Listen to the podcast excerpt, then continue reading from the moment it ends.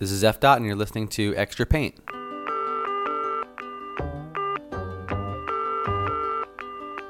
What's up? My name's F Dot and you're listening to Extra Paint. This is a podcast for muralists, art lovers and artists of all kinds. In each episode we're talking to different artists and makers who are truly dedicated to their craft and making an impact in their communities. That's what it's all about and we hope that you'll check out some of our recent episodes. We're doing this series right now where we're interviewing artists all the different artists on the management agency called Co-Loop. Andy J Pizza was one of the interviews we did recently. He is one of the founders of Co-Loop, and today we have our next Co-Loop guest and it is Meg Lewis. Your buddy Meg on the internet, you might know her. She is an awesome designer as well as a performer and comedian and educator. She's based in Minneapolis and she likes to say that she creates custom content and experiences to connect happy brands with their community. So I like the idea of just creating a a happier world, making the world a happier place, and that's what Meg thinks her mission is. And it is. She does a great job with her podcast Sit There and Do Nothing. She also has the Overtime podcast for Dribble. She is a busy busy person putting out all kinds of work all the time and it's really inspiring to me. So let's go talk to Meg and see what she's got to say. Meg, welcome to the show. Thank you so much for being here. How are you? I'm doing I'm doing great. I don't I never know how to answer that question now. I'm still alive, so I think that's as good as it can go at the at the moment. That's great news. Uh well for people who don't know your work and maybe are living under a rock, can you tell us a little bit about yourself and what you do? Well, I think I have more questions for them if they've been living under a rock. What's that like? Um But uh to talk about me specifically since the rock people can't actually have a conversation with us. I will say that I am a designer by trade, but I work in a lot of comedy and performance art, um basically to just create things that make the world a happier place or to help other people shine. So that is through work of my own, like podcasts and stuff that I have on my own, but it's also through client work for brands as well. I love that. It seems like you're on this mission to help other people not only feel happy through looking at your work and experiencing it, but also to feel more comfortable and happy with themselves. So I wanted to know like how did you come to that goal or mission? Um was that something you always wanted to do with your career and your work or did it come out over time? Yeah, well, I think it it definitely has always been there, but I didn't know myself well enough to be able to articulate it that way for sure. I think a lot of the work even when I was a kid that I wanted to do when I was older was you know, making people feel happy, making people feel better about themselves and helping people to realize that what makes them different from each other is actually a good thing. And those have been through lines throughout my career and life, my whole life, since I was as little as I can remember. But I wasn't able to always see that, to notice that through line. And it's taken a lot of trial and error of figuring out what I enjoy, what I don't enjoy, and um, to really be able to see that through line. And a lot of it has really been uh, having friends and family, people who know me and love me, point those things out for me. So now that I know it, I'm so excited about doing this work. It's very value-based work that I do and it just feels so right and I'm so excited about it. So it's definitely always been there. It's just taken me a long time to realize it. There's not really a template or uh someone you can look up to who's doing exactly what you're doing with this combining design with performance art and comedy do you get like weird reactions when you explain it to people what you do and and is that how you lead it or do you just start with like I'm a designer? I try to explain it to the best of my ability, but again, like you said, nobody is doing what I do. So and no, that's the cool thing I think about my career is that I've made a I've just made up my own job out of things that I enjoy and what I'm good at. So I think I usually kind of start with that. And I think at least people say, wow, good for you. That maybe it doesn't interest me or have anything to do with what I do, but they at least can celebrate the fact that I'm doing something that's made just for me and it's really fulfilling to me. Definitely it's hard when you have a nuanced career or just a complex job of a bunch of little things, it's very hard to market that because people ultimately want to put a label on what you do and they want to be able to easily place you into a bucket in their brain as just, you know, designer, illustrator, whatever. They want to just assign one label to you.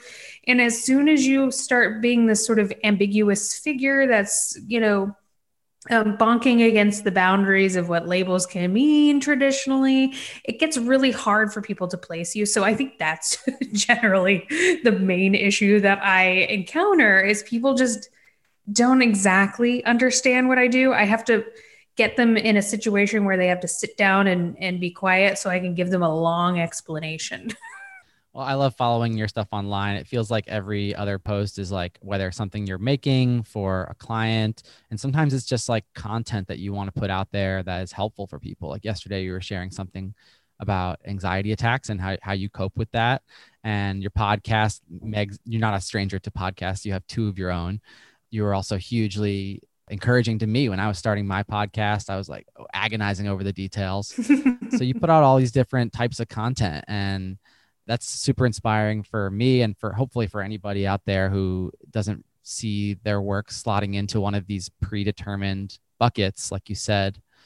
I think that's my favorite thing about your work is that it's just always mixing it up and doing things that haven't really been done before especially by designers. You're like breaking the mold a little bit. Definitely. And I think that's what I'm really it's what motivates me to have a career like this that's weird and unusual is that all I'm trying to do is have this career as loudly as possible so that I can encourage other people to kind of define a new career and blend two different categories or blend boundaries together for themselves. So I don't really necessarily think anyone needs to have a career that's like mine, but I do think that a lot of us especially if we're already self-employed, we can create careers that are unlike anybody else's, which is a good thing because marketing wise, because then it means we don't have any competition. We're doing something that literally no one else could do. That's true. That's true.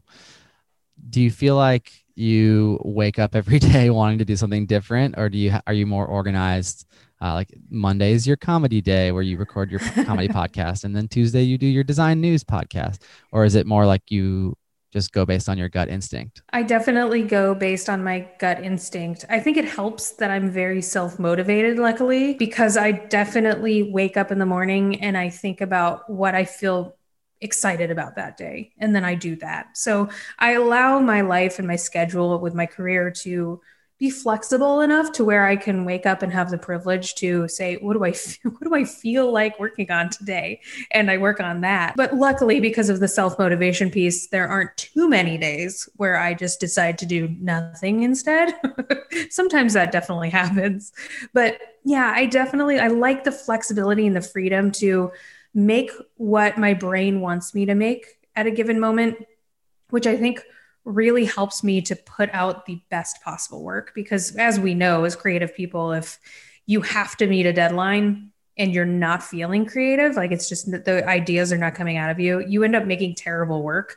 So i try my hardest to not have a career where that happens. It definitely happens constantly still especially when working on client work and i do have deadlines. But I definitely as long as I'm in charge of my schedule or part of my schedule, I like it to be that free flowing thing where I just intuitively listen to myself and do what I feel like I need to do in that moment. I remember hearing you talk about this idea of how you just you you sleep in when you want to sleep in you work on things when you want to work on them and it just sounds so idealistic. Like i remember like first hearing you say that uh, a couple years ago when i was at a full-time job i mean like man i really want to get to that point where i can sleep in and work on what i want to work on. Do you feel like even though you have all this freedom now you still find yourself dissatisfied with the career that you've built or is it like do you have this practice of gratitude to remind you of how far you've come? I definitely love every moment of it. I truly do. But it hasn't always been this easy. I think there have been years and years and years of me pushing against a lot of things and trying to do things the way that other people do them. And, you know, tr trying different things where Monday until noon is for my bookkeeping and answering emails.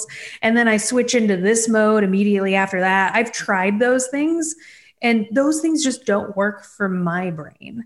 So I think that's important to note is like sometimes you can listen to, you know, Meg Lewis or whoever talk about how they sleep in and they just like go with the flow all day. But that works very specifically for me because I am extremely extremely self-motivated. I just work all I love my job so much that I work all the time. I just love it. And I'm always doing something and I found a way to work in any any little niche interest that I have into my career. And because of that, I'm truly people have both described me as always working and also some people have described me as never working.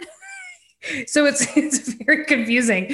So I think that I just have found a way to make my the entirety of my career both what I'm working on and how I make that happen.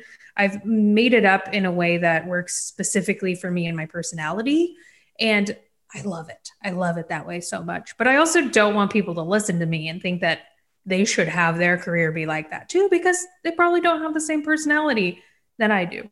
Yeah, and, and a lot of times you think you're going to like something, but then when you actually go and try it, you don't actually like the process or the way of doing that. And it looked cool from the outside, but when you did it for yourself, it was like, nah, maybe not the best choice. Absolutely. And to to kind of set this up too, I'm also I'm not a goal oriented person at all. I don't set goals. I don't even I don't have a roadmap. I don't have a plan ever.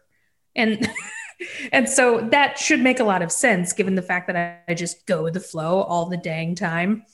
So if you're the kind of person that needs a structured plan, then this lifestyle is not going to work for you at all. But I like not knowing. I love the unknown and I love not knowing what the next day is going to be like. And a lot of people don't like that at all. So I think that this working style works very specifically for me but definitely may not work for most people. You said something earlier that that was about uh having a loud presence online about about this career that you have so that you can empower others to do whatever works for them as well and not get stuck in the the stereotypes or the you know what's expected of us as designers. But a lot of times when you're putting yourself out there online, I've felt this way before where being loud feels icky and it feels like calling it too much attention to ourselves it can feel braggy or egotistical or whatever just sharing a lot online being loud did you grapple with that at all did you come to terms with it or have any kind of breakthrough that allowed yourself to be more loud online and feel good about it because i don't know about you but i i still sometimes don't like after i post something online that icky feeling oh my gosh Yes. For me and I think we're kind of saying the same thing. The the thing that I really struggle with still is constantly have and as a self-employed person you have to do this. You have to constantly remind the world that you exist that you provide services and that part is just exhausting to me. And some days i wake up and i'm just like i don't want the world to notice me today. I don't want the world to remember that i exist today. I don't want to have to sell myself again today. So that happens to me often. And on those days i just take a break and always i rally eventually because I think that the work that I do has such a greater purpose that is important to me and I kind of have this little pep talk that I give myself whenever I'm feeling like oh I just want I don't I want to crawl into a hole. I want to go live under a rock. And um in in that pep talk I kind of just say no Meg you're doing something that helps people. You are here in this world to help other people to shine and the world needs you to continue to do this in order to make that happen and to help make the world a, a happier place and help people shine and be their best selves. And I think that little pep talk of the world needing me to step up and do this is the reason why I keep going. But there are a lot of this very strategic things that I also have to do in order to get client work. And that part hasn't often has nothing to do with my greater purpose. I just need to get paid so that I can help people. And those things where I'm like intentionally doing something in order to get client work still feels really gross to me, but I also know it's the only way that creative people can survive and in it's the only way that I can create free things to give to other people to help them is by doing what I need to do in order to get paid. So it's part of the system. And I think realizing that about yourself, that's helped me a lot to look at other creatives that I follow that are constantly selling themselves. I'm like, hey, I get it. This is a it's a wild ride and it's it's what we have to do. So it's we've created this world for ourselves and now we have to and we have to uh, be a part of it. I like that reminder as well that even though the world isn't putting up a sign saying we need you to share your latest creation with us it's like it's good to remind ourselves that there is a place for us. There are people that are following us and they they're following us for a reason. They even if it's not that many it's just these people subscribe to get the thing that you were serving up. And you know exactly. it, it's okay to take breaks and listen to whatever feels right but just remember that you started doing this for a reason and there's people that are excited about it. So the world needs you. I like that. Yeah, I think you made a really good point that reminds me of something I've been thinking about a lot is it can get really lonely for me because no one asks me to make any of the thing I any of the things I make. Not like, "Meg, we need we need you to do like a comedy version of a meditation. We want this from you. Please do this." Nobody ever asks me for anything. They're not calling me to action. But I think that it's the things that people don't want that I'm constantly pushing onto people. And that's how you get people to change. That's how you get people to expand their worldview is by giving them like something unexpected that they never knew that they wanted before. it's so it can be very scary and lonely for me because nobody I don't get the validation of people like Meg Meg over here over here we want you to make this for us we want you to do this thing everything I do nobody's asking for and so and I just have to hope that I will release it and it will change their lives unexpectedly in some way and sometimes it doesn't and that's fine too. You want to each share something that we're working on for this season or for the next season that no one asked us to create? oh my gosh. Yes. Uh, I I um I think especially this year I've been trying to just be as loudly my my unique self meaning I'm trying to inject more of the things that have made me who I am today, more of the inspiration that has been throughout my life that seems very unique to me. Like uh, since I was a kid, I've always loved clowns and mimes. And so nobody, I and I tell you, most people are asking me to stop. but I I keep inserting clowns and mimes into my work lately this year. And the majority of people definitely no one is saying more clowns please Meg. Everyone's like Meg please stop with the clowns. But I can't it's it, it's such a part of who I am and I just want I want other people to feel comfortable injecting more of what makes them who they are into their work. And you don't have to have that thing in common but I think that we can start celebrating each other for what makes us unique a little bit more. So that's why I'm doing it. What are you doing um, lately or this year that nobody's asking you for? Well, this year, um, I, as you know, my, my biggest project was this baseball card project. And oh, yeah. Uh, I've been going about three quarters of the way through my series of 20 cards. And something I saw that was interesting was some of the other artists doing this project started creating these companion cards. And essentially, it's like a non official baseball card or just a, a print the size of a card and they can put whatever they want on it. They can take inspiration from the official card and then create a little companion card. And so I'm basically creating my own set of 20 companion cards that are like blob versions of the yeah. the original baseball player. So I have a few of them that just came in from the printer here and I'm like looking at these and I'm like, wow, I'm going to make 20 of these and no one asked for them. like what even is this? But it's it's uh it's art for me and there are definitely some people that are already excited about it. I've been sharing it out and I it's so hard for me to know how many of these to create. I think that's been the most interesting thing is like just trying to guess the demand and guess the sweet spot for it because these are not print on demand. These are like get a bunch of them printed and then number them and then sign them and sell them as like prints, official like fine art prints. So that's been interesting trying to get do the guesswork of how many people are going to want these things and collect these things and how long do I really want to hold on to them for as well. Yeah, wild. That's true. I think there are so many and that's the thing whenever you make things that nobody's asking for as well is you just I think you have to fill in that conversation you would normally have with the other person that's not there with yourself. and then you have to there's a lot of what ifs and just a lot of questioning of what's going to happen since nobody's asking for this does anybody will anybody actually want it yeah, we shall see. Um, yeah, those are going to be launching pretty soon, and I'm definitely going to send you some because we're both blob-tastic oh, fans yeah. of, of uh, all things blob. Speaking of that, why don't you tell me a little bit about uh, some of the murals that you've done since this is for the muralists community, this That's podcast. right. Um, I love your, your freestyle stuff that you do. So just like tell us a little bit about how that started and have you done uh, commercial murals or mostly just like personal projects? I have done both commercial and personal projects.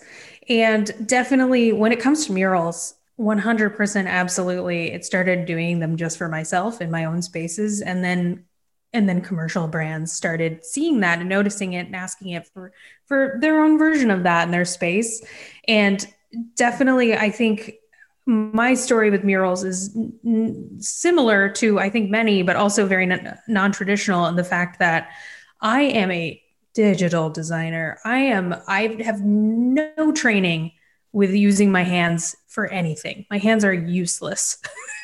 so anytime it comes to physical physical art of any capacity, my hands are not trained as well as my sort of mouse hand is trained. So holding a paintbrush, holding a pencil, I'm definitely that person where my hand does not go or my pencil or my paintbrush does not go where my brain wants it to go and it's very frustrating. So I my whole life as a digital designer have just leaned on digital design for everything because my brain knows exactly where to move my hand and it's easy and successful that way. And so I've avoided any kind of physical art whatsoever because it's just scary to me. So murals in particular have been the scariest because they're so big. There's so much room for error and it's it's so so scary because I, a paintbrush to me is so foreign and there's there's so much that could go wrong. And then there's like all these technical aspects about the surface and what type of paint and what type of brush or what do you do. And the first commercial job that I got was on concrete. And I remember just being like what? It's not a regular drywall or plaster? No. I don't know what to do. And it ended up working out fine. I just asked some friends what to do and it was okay. But I think that now like you mentioned my freehand stuff now i just go to town i don't even have a plan a lot of the time i just start doodling on a wall and i find that those come out to be the the best ones the ones i like the most and it's really been just like everything a practice in trusting myself especially with the freehand ones of knowing that it's not going to look perfect but that's the point. And once I was able to just trust myself and realize, okay, it's not going to look perfect, but it's going to look better free-handed and better with the imperfections. So now after doing so many of them, I live for it. I love the thrill of like, oh, where's this line going to go? am I, oh no, I went in that direction. Oh, I'm, am I going to box myself in? I have to figure out a way how to get out and make it look like I did it on purpose. Oh, so it's a lot of, um, it's a it's a, it's a rush and it's exciting. And it's like real life problem solving and, and such a, such a fast, fast experience. And, um, I just, I love it. I love the thrill so much now well, you said that a lot can go wrong with a paintbrush and there's so much room for error, but I want to push back on that a little bit. And I want to say like, you can always paint over it too. And yeah, if you drip some paint on your carpet, that's going to be hard to get out, but cover the floor, take a deep breath. it's okay to make mistakes. I mean, do, is it part of the challenge for you just getting it right on the first try, getting it good enough to be considered done? So you don't have to do any touch-ups? Okay, yes. And I think that this is definitely part of my personality is I am not a perfectionist at all. So I usually do things and I'm just like that's good enough. and so the concept of painting over something and then starting over in some capacity is like completely foreign to me. If I I've never had to do that. If I had to do that, I would be like, "Oh, come on. And I mean, I would probably just do it. It's not that big of a deal, but I, that kind of thing to me is like because I'm not a perfectionist, I wouldn't take the time to be like do do do maybe we have we must make this exactly perfect. I usually I think it's because I have such training in improv. I figure it out as I go and I let the imperfections and the screw-ups tell a greater story and be a part of the whole mural going forward. and then I make it work. It's just like I think in particular with um with commercial work that's harder to communicate i usually have to send them the, the design and get it approved and then paint it basically exactly like that. So it's definitely a little bit more forgiving whenever i do murals for myself in my own spaces because then i can let them be completely improvised and allow the sort of slip ups along the way tell the whole story and tell part of the story. So it's it's an interesting process but it's uh it's it's so fun. I love it so much. You've also been involved in creating some different spaces for others to get creative in. Uh, and that was super inspiring to me when I first met you a few years ago at Creative South, getting to meet the whole Ghostly Ferns crew and then seeing what you're what you've done out in uh, Minnesota with Foolproof, although I know you recently moved out of that space, right? Yeah. Yes. I I so I think my whole the home the majority of my creative career I've always been a part of some kind of shared workspace and I don't particularly mean co-working space because I think when we think of co-working space we think large massive spaces where maybe you don't get to know everybody that's in the space. I mean like for me a shared workspace is usually a small group of like less than 15 20 people that are good friends and you work together alongside one another every day and you like have lunch together and, and whatnot. I've always been a member of a space like that. And it's been how I've made all my friends my whole adult life. It's it's it, as an independent worker, it's been amazing to just have some people around all the time to ask questions to throughout the day. And I think another wonderful part about that is it's well, it's cheaper because you're splitting rent with a bunch of people, but it also comes with walls. so and and a bunch of creative people inside. So every space I've belonged to, there have been a lot of mural opportunities, a lot of customization opportunities and it's a great collaborative experience and project to work on with all these different people that are coming together in the space. And I think this is the same for most people. There are certain exercises or or parts of my work that I do best in certain environments. Like, for example, whenever I'm writing, if I have to write, I have to go to a coffee shop. There's something about the energy of a bunch of people um, that really helps me to write better. And having like a constant stream of beverages in my mouth really fuels my writing. and then whenever I am doing something I'm a little bit more insecure about, I have to be alone in my home. Um, but then if I'm just doing like day-to-day -day work where I know kind of what to expect, it's not going to be that intense, then I tend to go to a shared workspace. Um, so I, but I like change and I like to move around and, you know, I like every day to be different. So that, that kind of thing works really well for me. I just came back from a mural festival and it was so interesting to observe like all the different artists coming in and how they did or didn't want to interact with everybody else. The person who was painting next to me was up on the lift the whole time, blasting music, kind of came in, did his thing and then headed out at the end of the day. Very focused on the work and that was it. Um that was something that really fascinated me when I first learned about like how you could be a painter for a living and and create art um was like learning about these sign painters that they just love what they do so much that that's all they need to focus on like painting letters all day what a what a what a life right? Um do you have any friends like that or, or do you do you feel like you're a part of this muralist community or do you feel like you're kind of on the outskirts of it and more in the design community? Or maybe these labels don't really matter that much. I think yeah well I think at the beginning before I had really done much in this space I definitely of course I didn't feel like I belonged. I was like I shouldn't be painting. I'm not a painter. I'm not a fine artist. And I think about that a lot with a lot of the things that I call myself where it's like I I'm definitely not this ver this this label by anybody else's definition, but as I did it more and more and started learning from other people, I think very much like with a lot of things you realize that nobody 100% knows what they're doing. Like nobody has everything figured out. Everybody is just kind of like graceful with themselves and figures it out as they go. And I think once you start asking for advice from people that you think really have it together and you realize they don't, which is everybody. I think that always gives me the security I need to realize like, oh, I'm okay.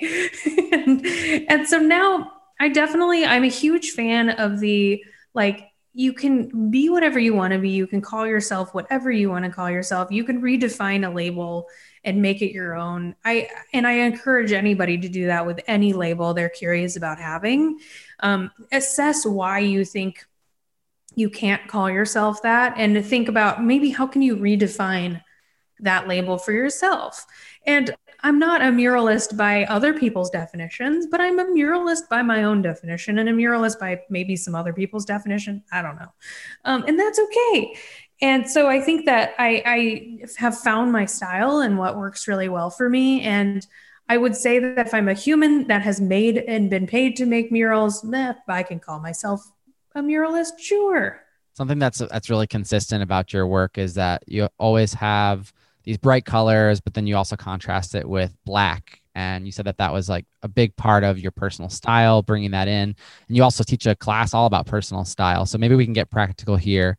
And we don't have to talk necessarily about artistic style because that's it sounds like it's kind of a separate thing from what you teach. But and that's more of an Andy J pizza question.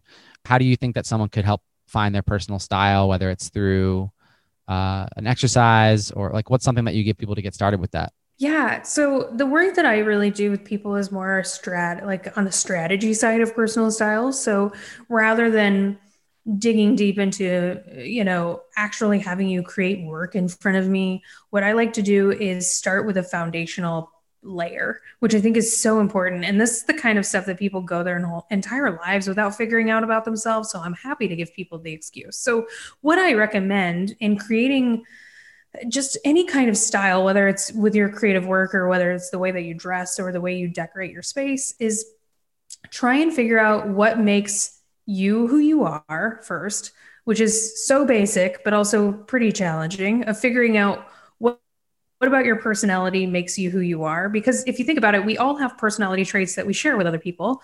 Um like for me one of my personality traits that's the most prominent is how much I love change. And there's lots of people out there that love change. Um, but I also like don't take things very seriously, which is another part of my personality. So the likelihood of people out there that love change but also don't take things too seriously, um that's a combination that's very specific to me. And then once you start adding more and more of my personality into the mix, then we get a person me who's unlike anybody in the world. And you're the exact same way too. We all are. So what I like to do with people is help them to translate each of each of those personality traits into visuals and figure out what is a metaphorical visual aspect to each of those personality traits whether it's literal or metaphorical either or.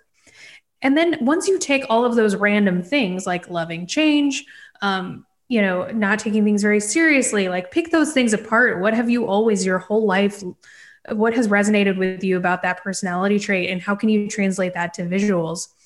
And then make sure to incorporate a lot of those lifelong points of inspiration, you know, like I was talking about with clowns and mimes earlier. So incorporate those things. What were the things that you loved and were really inspired by when you were a kid that never went away?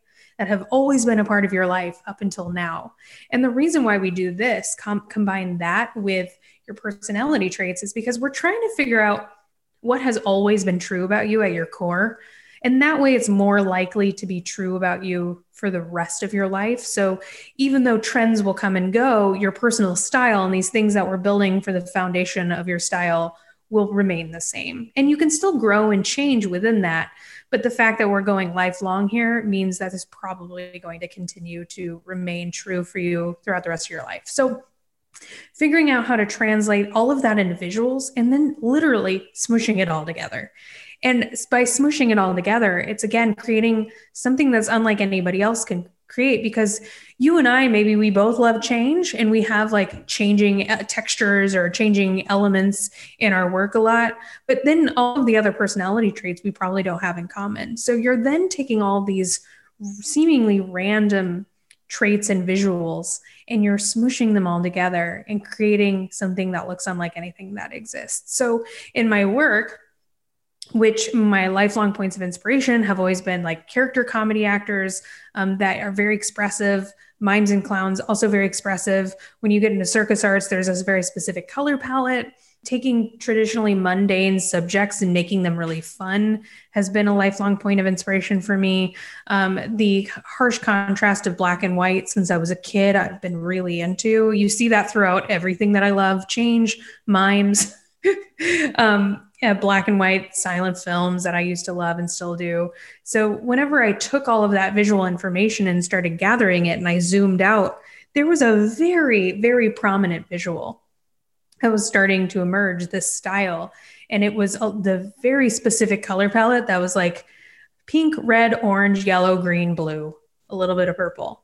And then there was so much black and white and so many emotive faces So that's how I create the foundations of my style guide. And this is I dress by the style guide, I decorate my home by the style guide, my work is all in the style.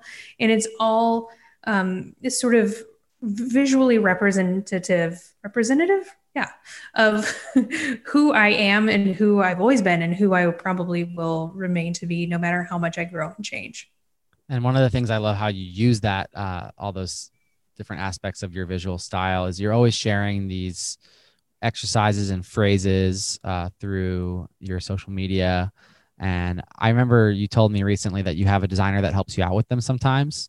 And, yeah. and, and it's kind of indistinguishable now, like who's created what. And I just, I was just curious about what that process is like and what that's done for you and your business. Cause I know it's like, I have a, some part-time people helping me as well. And it, it's, it's work, it's, it's managing people.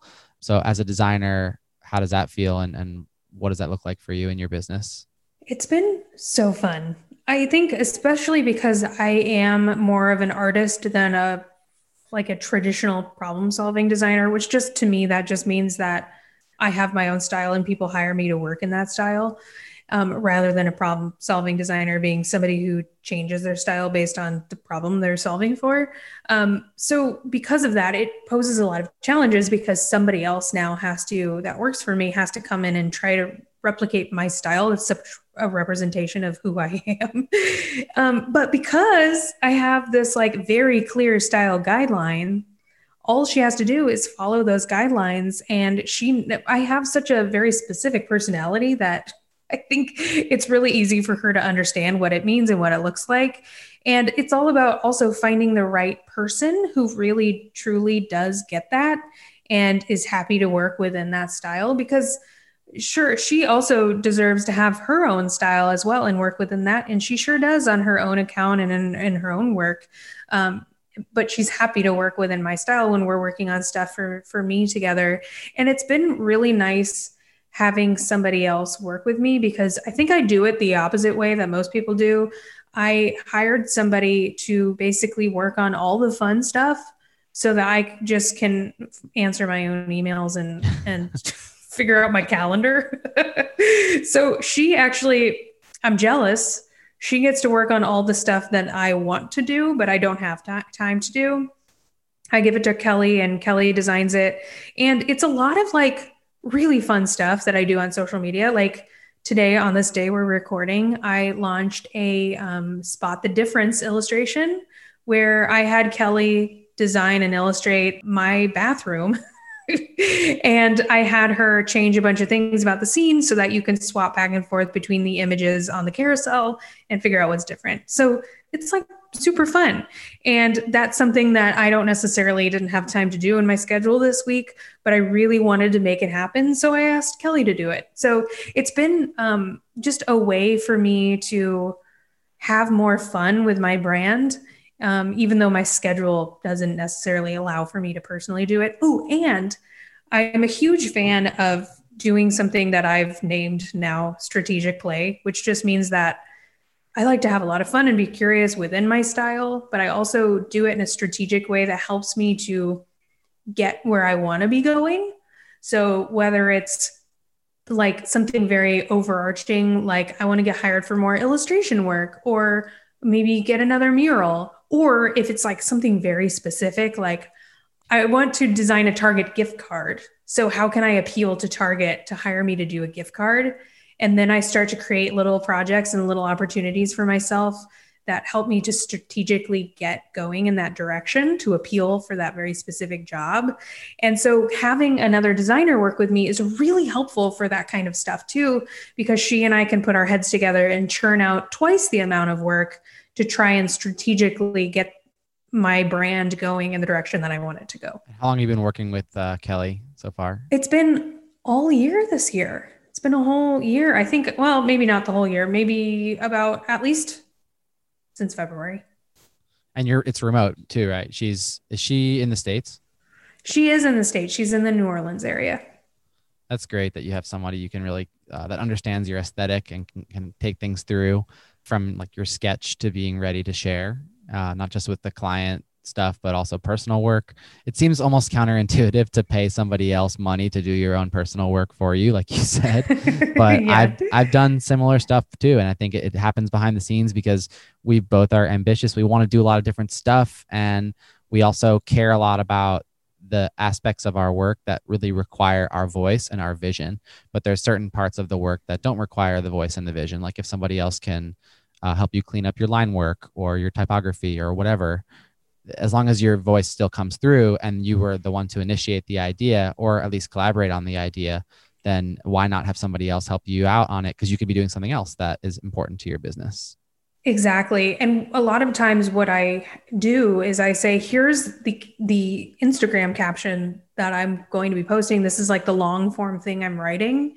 These are the points I'm trying to communicate and this is how I think we can communicate it. And then she just creates the visuals. So like I think an interesting part about your work and my work is that we don't it's not just about making things look pretty and making the world look beautiful. A lot of it is about the substance behind it and what we're trying to do that's a greater picture behind the work that we're making. And so i i do believe that as long as the substance is is there and i'm able to still create that meaning there's a lot of visual solves for that and a lot of ways visually to communicate that. And i'm happy happy to um you know pay somebody else to help create a visual layer to um, visually showcase that sort of substantial meaning that I'm trying to communicate. I'm going to have to take some notes and try something like that, just writing the caption and then handing it off. Um, I, I think it does take some time to build trust though, right? It's not from yes. the get go. Yeah. Um, okay. Switching gears. because I know we have a finite amount of time. Um, we, we mentioned earlier about your meditation podcast, and I was wondering if you might be open to guiding us through a short meditation using one of two topics that I give you. Oh, I love this. Yes. Can you can you improvise? Do you always improvise them or do you have them scripted? I do. Okay, cool. you can choose skateboarding in the park. Okay. Which I'm not sure if you have all the terminology for that one. I don't, which sounds even better. or painting a mural which I think would be really fun. Or you could somehow tie those two together. Okay. we'll, we'll we'll insert your your whatever theme music you want as well. okay.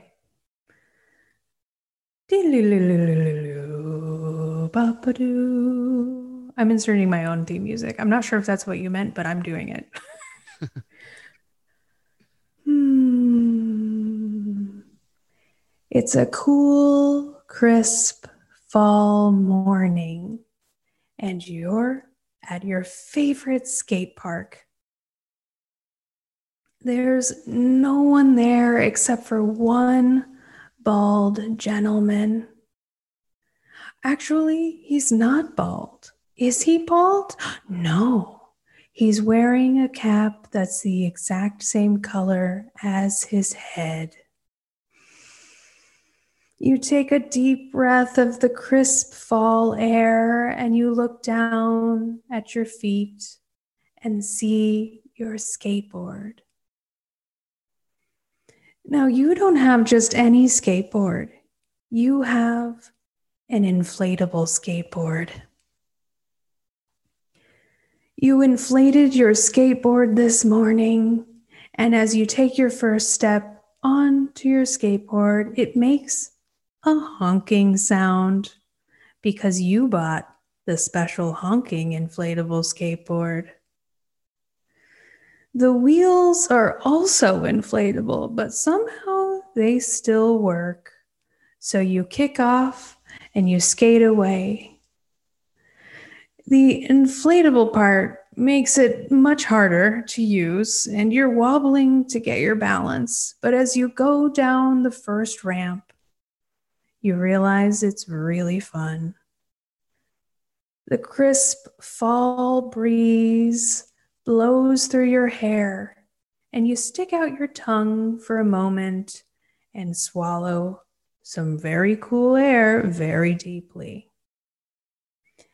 You start skating towards the man wearing the flesh-colored cap, and he says, Hey, yo, cool skateboard and you say, Would you like to have it? He reaches out his arms and you hand him your inflatable skateboard. He hugs it closely to him and it honks, surprising him a little bit. He looks deeply into your eyes and says, Thank you.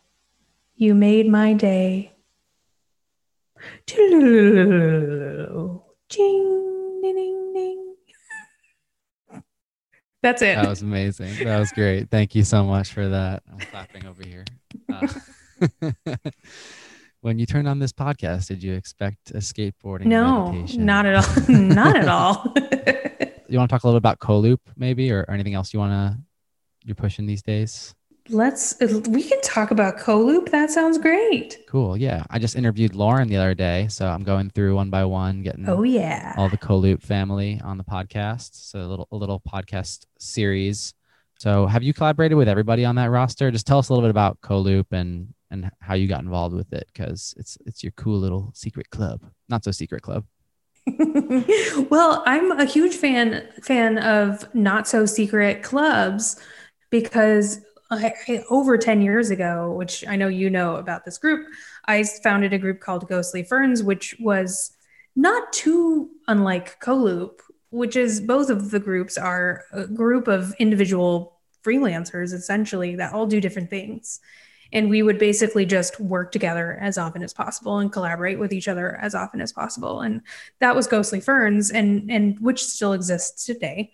But co-loop is a little bit different because we're a group of individuals that all do different things whether it's hand lettering illustration whether it's podcasting or graphic design or um you know 3d design or watercolor. I'm trying to go through the group one by one. Um we all do different things and we all are represented by a agent basically. And that agent Ryan um, Ryan Appleton helps us to get more opportunities um, based on the work that the other person has gotten. So say um, you know, inflatable skateboard company comes to Lauren and they're like, Lauren, we'd like you to let her on one of our skateboards.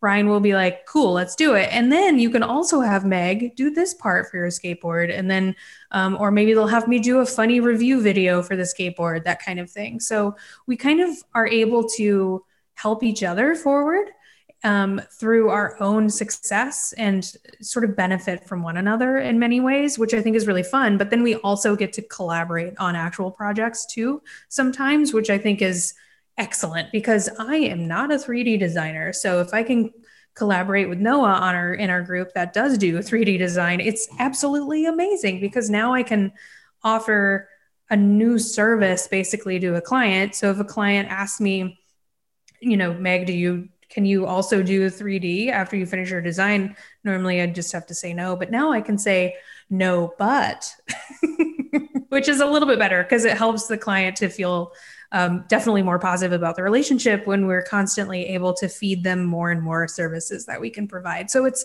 I'm a huge fan of groups like this in any capacity. Anytime you have a group of individuals that are made stronger together, I love it. So I I am a part of CoLoop, but I also encourage everyone to make their own groups that are similar of just if there are other friends you have or acquaintances that you know that are also freelancers that do something different from what you do and you know their work ethic is solid join up like become pals together and create a company out of it and just kind of be alone but together.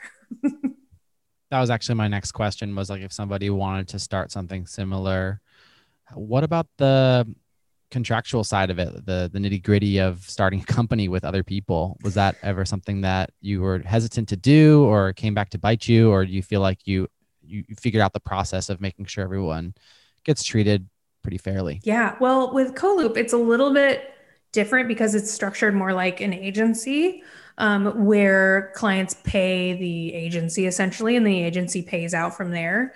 Um, with ghostly ferns in particular, we definitely explored different legal arrangements. Um, because part of the issue with Ghostly Ferns was that I originally founded it all by myself and then I decided to add more people to the group. So it was already owned by me and then we had to figure out how to figure that you know fix it and rearrange it. And with Ghostly Ferns, the a lot of the issue was that none of us wanted to be employed full time necessarily by Ghostly Ferns. We didn't always want to have to only work on Ghostly Ferns projects. We were all independent freelancers and liked it that way. So also we were and wanted to appear as though we were always equal. Like there wasn't somebody who was over us all controlling us or that one person was the owner and everybody was under them. And so having me as the owner, we didn't want it to appear that way. We wanted everybody to understand that we were all equal. And so the way that we we did for a while try to do a partnership where we like all split ownership of the company, but even that was too much of a responsibility for us all. And so what we ended up doing that I think we liked the most was the simplest legal legalese way of doing it, which is where I owned it, but nobody really knew that public facing. And then I just paid everybody as a contractor um, from there. And it was so much easier that way. And as long as on the website and everywhere else we looked equal, um, it worked great for us because it's not like the company was never making money anyway. The way that we paid each other was everyone got paid for the exact amount of work that they did and we all split everything evenly if we all did an even amount of work. So it's not like ghostly ferns made a commission or was pocketing any of the money or i was pocketing any of the money. It just truly went 100% into the hands of the artist or the person that made it.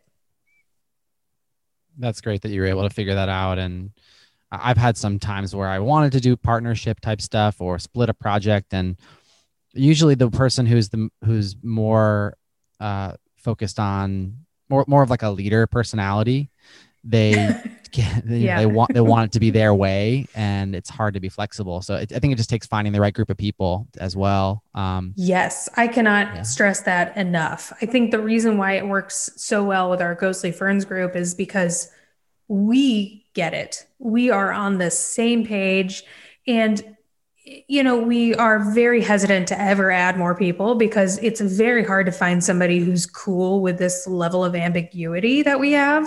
But we get it, we trust each other and we have worked together for so long that the trust is very much there. So we never really have any issues with that sort of arrangement, but I know mo most people would. Well, I wanted to uh go back to some of the crazy stuff that you that you get to do with your career just to just to round this out. I know that you're into public speaking and you've done some really fun stuff on stage and it's it inspires me to do different stuff in all facets of my work. What's some of the craziest stuff you've been able to do on stage uh, just to shock people out of their out of their system a little bit? or not necessarily on stage, but or, or just like in a group of people in an office or whatever. Yeah, there was one conference I spoke at where I don't know why I did this, but at the time it seemed like a great idea where I gave I, I asked for a volunteer didn't say why. People love that when you do that if you're a speaker. I don't know why they do. I would hate that as an audience member but um chose some dude in the front row because I could reach him. I gave him a little tiny um chime that I bought off the internet and I told him that he had to to to like hit the chime every time I said the word but and and then if he did it at the end he'd get a prize. If he if he if he missed a single but the audience had to alert him and me and then he would lose. And this guy was on top of it. He never missed a single butt and people say butt a lot. so I, and I inserted like some trick moments for him throughout. Like I recorded like a little song about butts at one point and played it during the talk and he was like rapid firing hitting that chime. It was great. He did it all. So that was one. Another one um was where I was trying to to teach people and communicate the point of you should be proud of the things you love even if it's not um cool necessarily to love that thing. And so I asked the audience if anybody liked Olive Garden but I said it in a tone where I was like trying to discourage people from liking Olive Garden. I was kind of like, does anybody here actually like Olive Garden? And so nobody except for one person raised their hand. and she raised her hand so excitedly. And so then I was like, congratulations. And I brought her on stage. I gave her a trophy. I gave her a custom sash that I had made. And I gave her an Olive Garden gift card. And just to kind of teach the lesson that you should be proud about what you like, even if other people don't like it. And so I just like there have been times where I wish like shot breadsticks into the crowd. Um there was one time where I tried to shoot a confetti cannon but shot a guy in the chest and then they let me have another go at it and then I accidentally shot the same guy in the chest. Ugh. Those are just some of the ones that are coming to the top of my mind. well, I hope I get to see you in some kind of live action uh, performance sometime soon. Ugh, me too. safe to do so, or even virtual. I know you've been doing some live streams here and there too. Yeah. But uh, Megan in real life is much more impressive. Thank you. Fun. But uh, so yeah, that's all I got for for for all the questions. Is there anything you want to share with the audience uh, for this podcast, or you want to just let us know how we can support you? Wow. Yeah. Support me. Um, um, I would say that I have a directory of basically everything I do, all my podcasts and whatnot, videos, all that jazz on my website, which is meglewis.com. You can buy stuff there. There's lots of stuff to do and a lot of fun to be had, or just follow me on the internet. My handle is your buddy Meg. There you go. Go check out Meg's Fun House. And thanks again for being with us today. All right. There you have it. Thanks a lot, Meg. I'll talk Thank to you, you. There you have it, another episode in the books. Thanks for making time to chat with me, Meg. I hope you enjoyed listening to her story and a little bit of what Meg's got to offer the world. If you enjoyed this interview, remember to go follow your buddy Meg and check out her illustration work, her design work, and show some love for what she's doing on the gram. Definitely go check out her podcasts, Sit There and Do Nothing, as well as the Overtime podcast where she shares design news and lots of other good stuff. If you want to follow me, you can find me on Instagram at fdot, that's E-F-D-O-T. And if you want to join our conversation in the Muralists community, you can find us at Muralists on Instagram. That's where we share artist features, tips and tricks, and other kinds of fun stuff that we're up to.